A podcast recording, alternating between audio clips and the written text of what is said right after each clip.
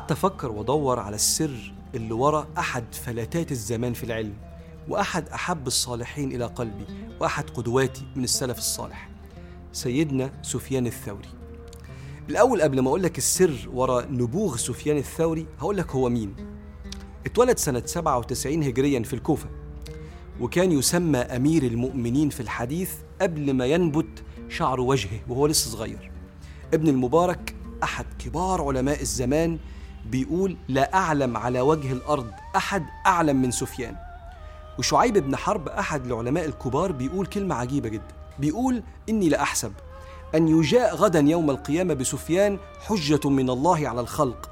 يقول لهم لم تدركوا نبيكم صلى الله عليه وسلم لكنكم أدركتم سفيان. يعني شوف أنتم ما عشتوش مع النبي بس عشتوا مع سفيان كان لازم تبقوا صالحين إنكم شفتوا الراجل ده. سفيان الثوري كان بيصلي يبكي في الفاتحة. شوف القلب المستحضر في إياك نعبد وإياك نستعين.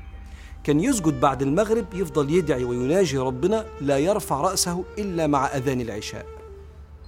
سفيان الثوري كان عنده اتزان عجيب في حياته. كان جنب الاجتهاد في العلم والعبادة يجتهد في الشغل جدا والكسب من حلال. يقول سفيان الثوري لأن أخلف يعني أسيب للورثة لأن أخلف عشرة آلاف درهم يحاسبني الله عليها أحب إلي من أن أحتاج إلى الناس.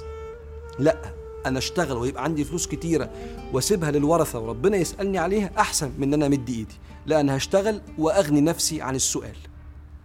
شايف الاتزان والحياة أمير المؤمنين في الحديث؟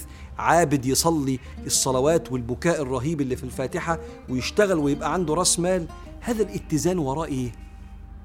وراه أم أم سفيان الثوري اللي أنا معرفش اسمها ومش مشهورة ومش مكتوب اسمها بماء الذهب في كتب العلماء وتدرس قصة حياتها في الجامعات يمكن محدش يعرفها لكنها أم جوه بيت أفنت حياتها في تربية ابنها سفيان الثوري.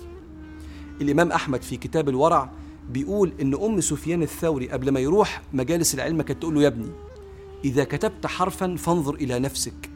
هل رأيت زيادة في خشيتك وحلمك؟ الخشية مع الله والحلم عكس الغضب يعني مع الناس وحلمك ووقارك. فإن لم ترى ذلك فاعلم أن هذا العلم يضرك ولا ينفعك. لما تتعلم شوف أخلاقك عاملة إزاي مع الناس ساعتها تنتفع بالعلم.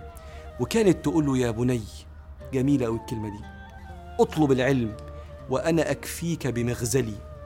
أنا هغزل وأعمل مفارش وسجاجيد وأتعب وأنت يا ابني اتعلم عشان أشوفك قد الدنيا.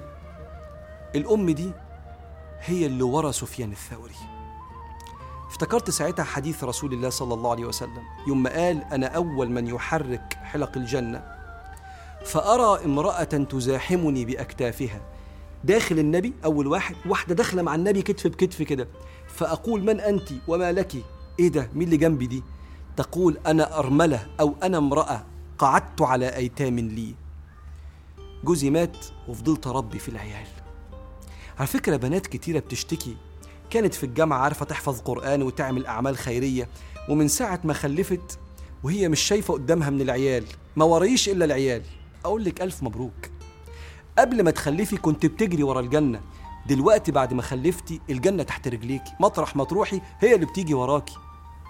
انت في أشرف جهاد أيتها الأم. انت في جهاد تربية النفوس وبناء الأرواح.